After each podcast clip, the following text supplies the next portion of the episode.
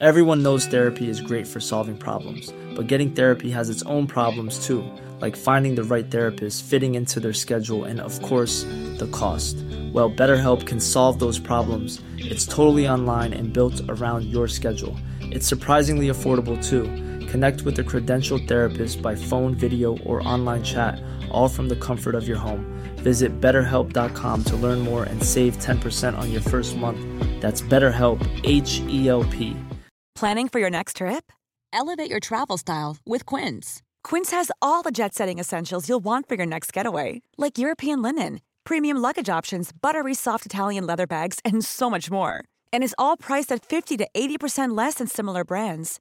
Plus, Quince only works with factories that use safe and ethical manufacturing practices. Pack your bags with high-quality essentials you'll be wearing for vacations to come with Quince. Go to quince.com/pack for free shipping and 365-day returns. Hey, I'm Ryan Reynolds. At Mint Mobile, we like to do the opposite of what Big Wireless does. They charge you a lot, we charge you a little. So naturally, when they announced they'd be raising their prices due to inflation, we decided to deflate our prices due to not hating you. That's right. We're cutting the price of Mint Unlimited from $30 a month to just $15 a month. Give it a try at mintmobile.com slash switch. $45 upfront for three months plus taxes and fees. Promote for new customers for limited time. Unlimited more than 40 gigabytes per month. Slows. Full terms at mintmobile.com. Den unge jätten. En originalsaga av bröderna Grimm.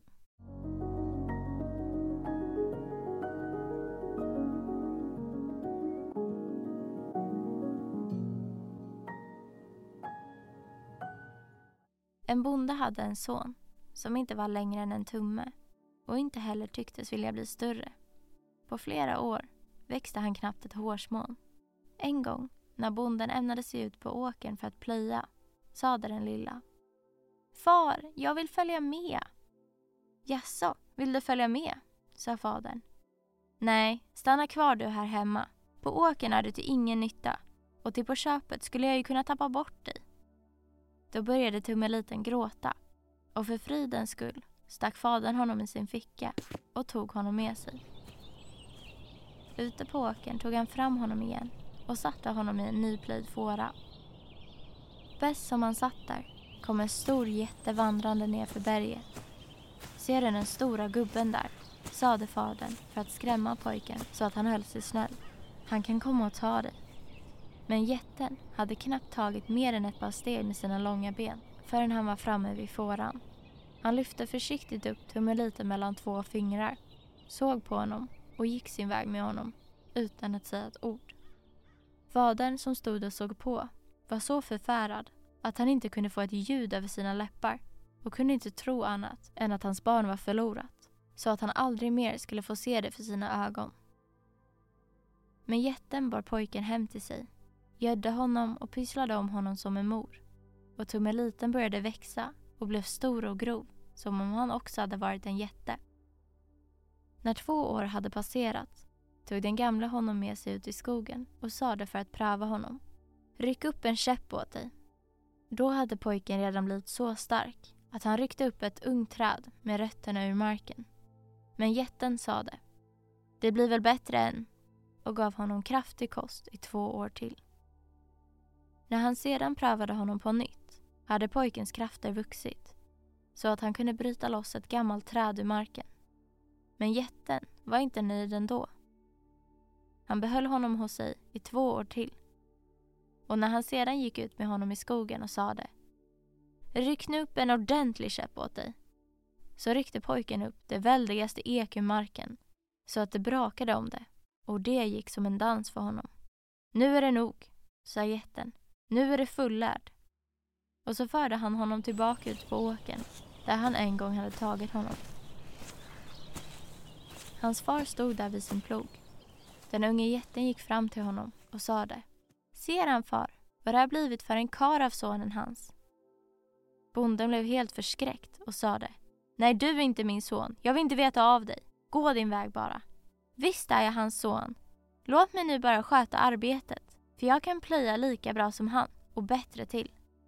Nej, nej, nej, du är inte min son och inte kan du plöja heller. Gå din väg bara.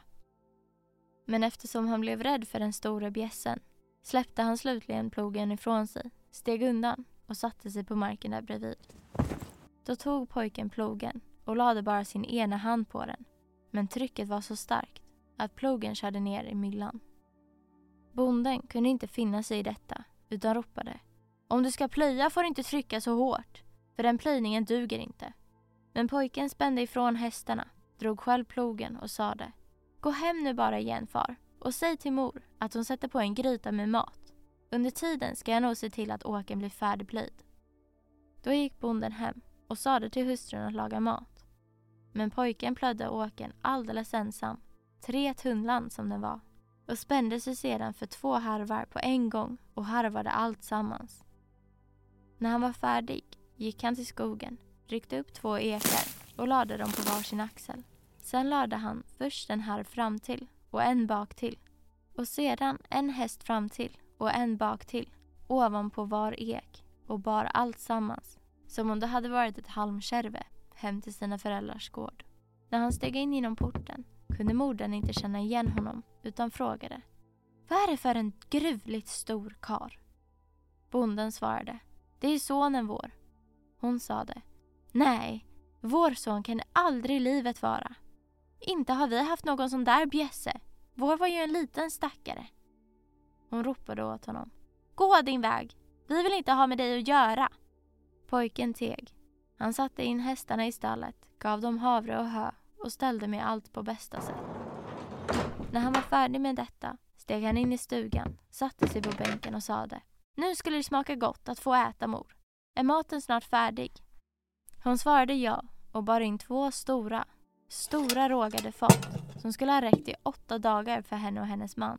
Men pojken åt upp allt sammans ensam och frågade om hon inte hade något mer att bjuda på. Nej, sade hon. Detta är allt vi har. Det var ju bara en smakbit. Jag måste ha mer. Hon vågade inte göra honom emot utan gick och satte en stor gryta fläsk på elden och när det var färdigt bar hon in det. Kommer det då äntligen några smulor till? sade han och åt upp allt sammans. Men det var ändå inte tillräckligt för att stilla hans hunger. Far, jag förstår att här blir jag aldrig mätt. Vill han bara skaffa mig en stav av järn som är så pass stark att jag inte kan bryta den mot knät, så ska jag dra ut i världen. Bonden blev glad, spände två hästar för vagnen och skaffade från smeden en stav som var så stor och tung att hästarna nätt och jämnt orkade dra hem den. Pojken satte den mot knät och krasch bröt han den mitt i tu som en träribba och kastade bort den. Fadern spände för fyra hästar och hämtade en stav så stor och tjock som de fyra hästarna någonsin mäktade forsla. Sonen bröt av också den mot knät, kastade bort den och sade Nej far, det här är ingen glädje av. Han får spänna för fler hästar och skaffa mig en ännu starkare stav. Då spände bonden för åtta hästar och hämtade en stång så stor och tjock som de åtta hästarna någonsin kunde flytta. Men när sonen fick den i sin hand bröt han strax av en bit upp till och sade Hör nu far, jag förstår att han inte kan skaffa mig någon sådan stav som jag behöver, så jag ska inte längre stanna hos honom. Därpå vandrade han iväg och utgav sig för att vara en smedjesäll. Han kom till en by där det fanns en smed som var girig bruk och inte unnade sin nästa någonting utan ville behålla allt för sig själv. In i hans smedja steg nu pojken och frågade om han inte behövde någon gesäll. Jo, svarade smeden, tittade på honom och tänkte. Det där är en duktig kar. Han orkar arbeta mycket och kommer göra skäl för maten. Vad vill du ha i lön? Jag begär ingen lön alls, svarade han. Men var fjortonde dag, när de andra gesällerna får ut sin lön, vill jag ge dig två slag och de måste du tåla. Detta gick girebuken hjärtas gärna med på för han tänkte på hur mycket pengar han härigenom skulle kunna spara in. Nästa morgon skulle den främmande gesällen först hantera släggan. Men när mäster kom fram med den glödande stången och nykomlingen slog det första slaget flög järnet i bitar och sjönk ner till marken så djupt att de omöjligt kunde få upp det igen. Då blev den girige smeden ond och sade Nej, dig kan jag inte ha någon användning för. Du slår ju alldeles för hårt. Vad vill du ha för detta enda slag? Han svarade. Jag vill bara ge dig en liten, liten knuff. Ingenting annat. Så lyfte han foten och gav honom en spark så att han flög bort över fyra hörlass. Därpå letade han ut åt sig den största järnstång som fanns i smedjan, tog den som stav i handen och gick vidare. När han hade vandrat en stund kom han till en lantgård och frågade fogden där om han inte behövde någon fördräng. Jo, svarade fogden.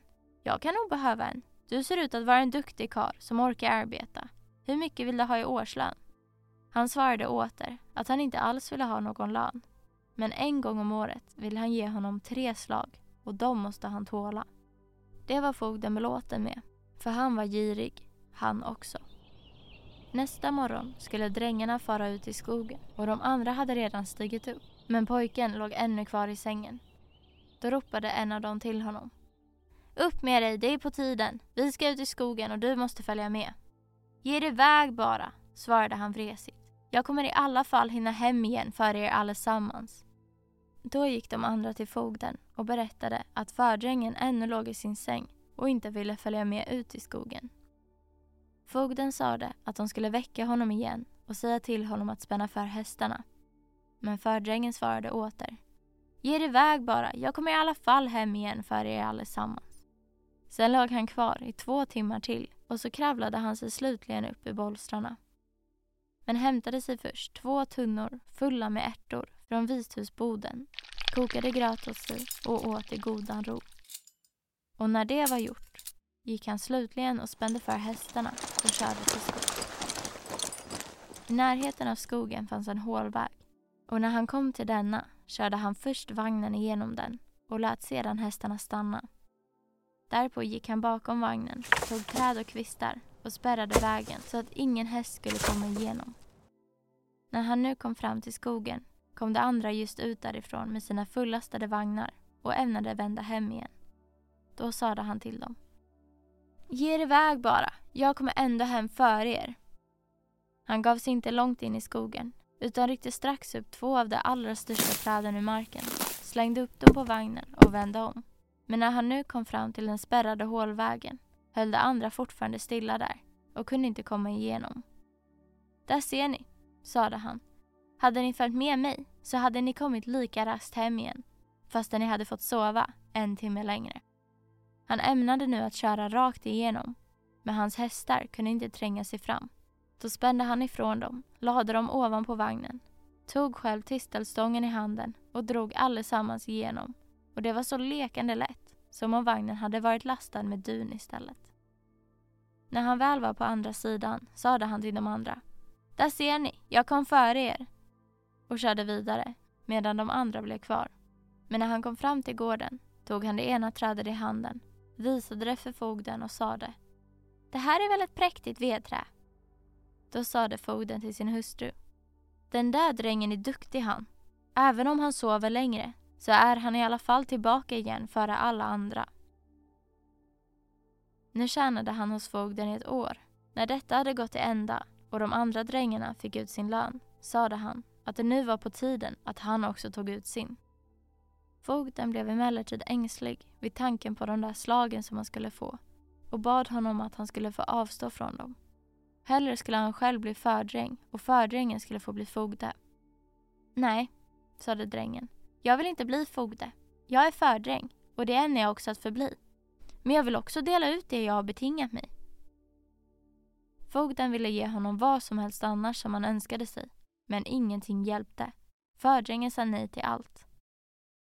Då visste fogden sig ingen levande råd och bad om 14 dagars uppskov, för han tänkte försöka hitta någon utväg. Drängen lovade honom uppskovet. Fogden kallade samman alla sina skrivare de skulle slå sina kloka huvuden ihop och ge honom råd.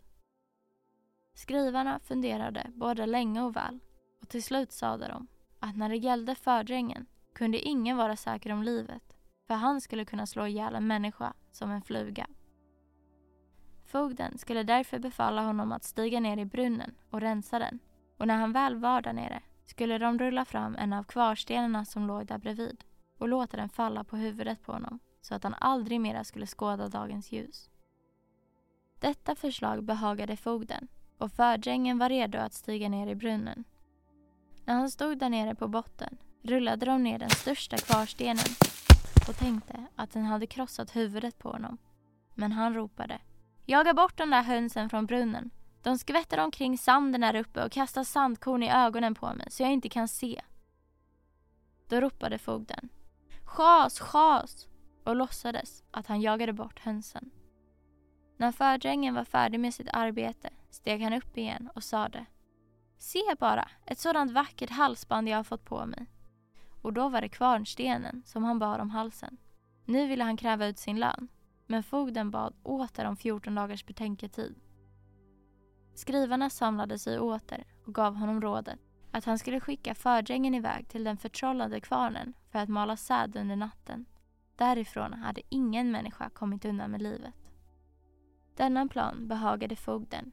Han kallade till sig drängen redan samma kväll och befallde honom att fara till kvarnen med åtta lass spannmål och mala dem under natten, för det behövdes mjöl i hushållet.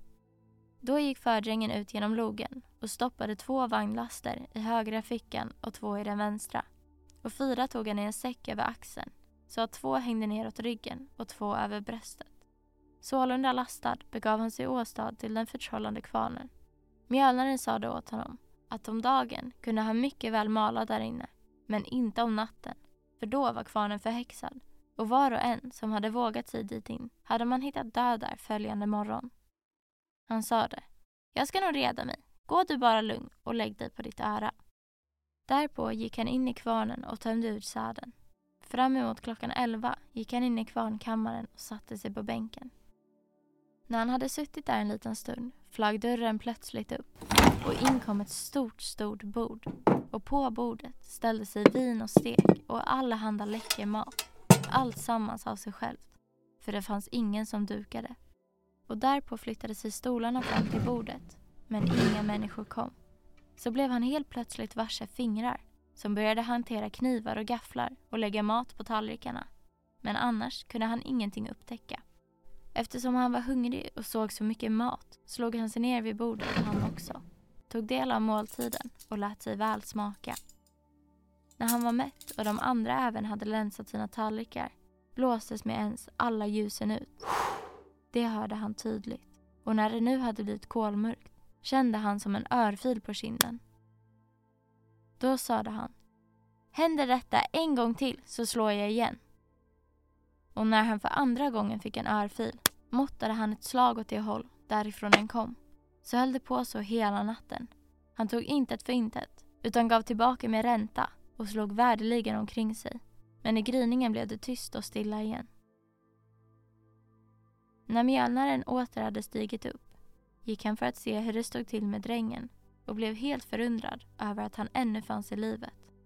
Då sade drängen, jag har ätit mig mätt och örfilar har jag fått, men jag har också delat ut örfilar. Mjölnaren gladde sig storligen och sade att nu var kvarnen lös från förtrollningen och ville ge honom mycket pengar till belöning. Men han svarade Pengar bryr jag mig inte om. Jag har ändå vad jag behöver. Så tog han sitt mjöl på ryggen, gick hem igen och sade till fogden att nu hade han uträttat ärendet och nu ville han ha sin utlovade lön. När fogden fick höra detta blev han rädd på allvar. Visste ingen levande råd. Han gick av och an i kammaren och svetten pärlade i pannan på honom. Då slog han upp fönstret för att hämta frisk luft. Men innan han visste ordet av hade fördrängen gett honom en spark så att han flög ut ur fönstret, rakt upp i luften, längre och längre bort tills ingen kunde se honom mera. Då sade fördrängen till fogdens hustru. Kommer han inte tillbaka så måste du ta emot det andra slaget. Hon ropade. Nej, nej, nej, det står jag aldrig ut med och slog upp det andra fönstret under det att svettet lackade om pannan på henne. Då gav han henne en spark så att hon flög ut, hon också. Och eftersom hon var lättare flög hon mycket högre upp än sin man. Mannen ropade Kom då hit till mig. Men hon ropade Kom du hit till mig, jag kan inte komma till dig. Och där svävade de uppe i luften och ingendera kunde komma till den andra.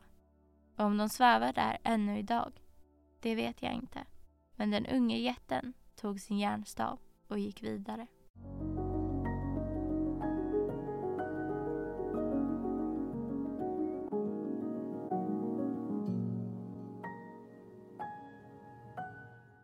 Hoppas att ni gillade sagan.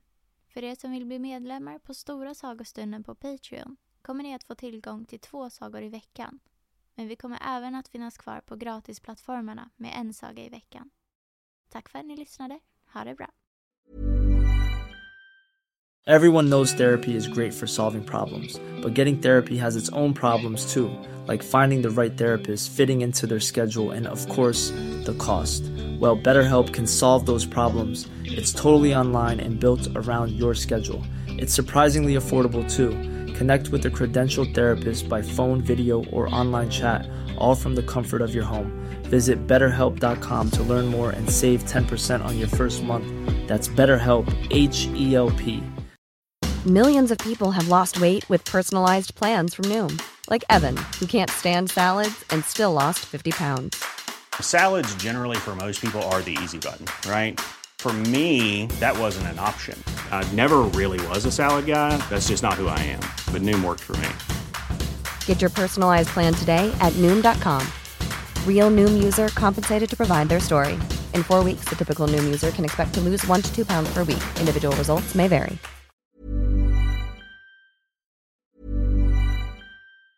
Mom deserves the best, and there's no better place to shop for Mother's Day than Whole Foods Market. They're your destination for unbeatable savings, from premium gifts to show-stopping flowers and irresistible desserts. Start by saving 33% with Prime on all body care and candles. Then get a 15-stem bunch of tulips for just $9.99 each with Prime. Round out Mom's menu with festive rosé, irresistible berry chantilly cake, and more special treats. Come celebrate Mother's Day at Whole Foods Market. Hi, I'm Daniel, founder of Pretty Litter. Did you know cats tend to hide symptoms of sickness and pain? I learned this the hard way after losing my cat, Gingy. So I created Pretty Litter, a health monitoring litter that helps detect early signs of illness by changing colors, saving you money and potentially your cat's life. Pretty Litter is veterinarian developed, and it's the easiest way to keep tabs on your fur baby's health right at home. Go to prettylitter.com and use code ACAST for 20% off your first order and a free cat toy. Terms and conditions apply. See site for details.